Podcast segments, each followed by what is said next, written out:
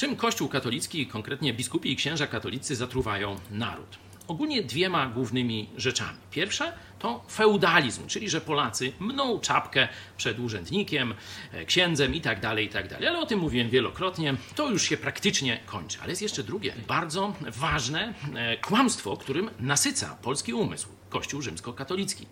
Mianowicie ruskie myślenie.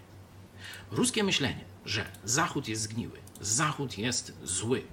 Lepiej bądźmy przy Rosji, bo tu konserwatyzm, bo tam ostoja chrześcijaństwa i takie tego typu pierdy praktycznie.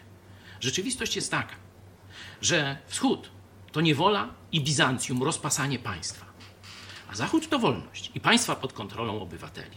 Jezus powiedział: Umarłem za was, abyście byli wolni. Nie wolno wam poddać się żadnej niewoli. Chcesz myślenia wschodniego czy biblijnego?